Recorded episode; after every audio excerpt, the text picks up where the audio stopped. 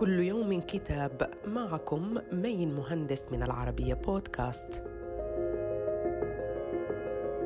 نتناول اليوم كتاب الطاعون للفيلسوف والروائي الفرنسي ألبير كامو الذي حاز جائزة نوبل للآداب عام 1957 في هذه الرواية قصة عاملين في المجال الطبي يتآزرون في عملهم في زمن الطاعون في مدينة وهران بالجزائر طارحا من خلالها أسئلة حول ماهية القدر والوضعية الإنسانية.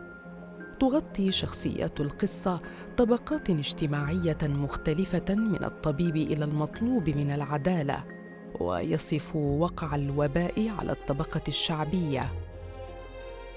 أعيد طبع رواية الطاعون لأربير كامو في دار بنكوين البريطانية بعد سبعين عاماً من أول إصدار لها عام 1947 وإلى اللقاء مع كتاب جديد.